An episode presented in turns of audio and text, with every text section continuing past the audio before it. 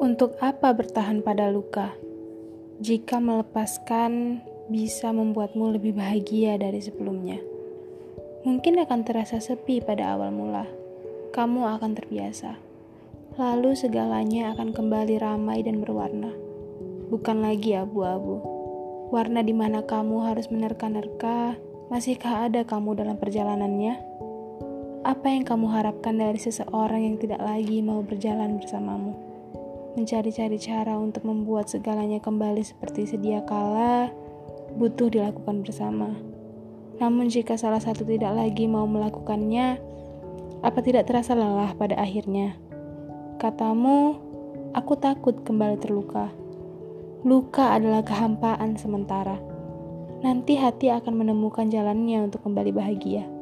Mau atau tidak, itu pilihanmu. Percayalah, kamu tidak akan benar-benar merasa bahagia jika masih keras kepala pada perasaan yang sudah tidak ada.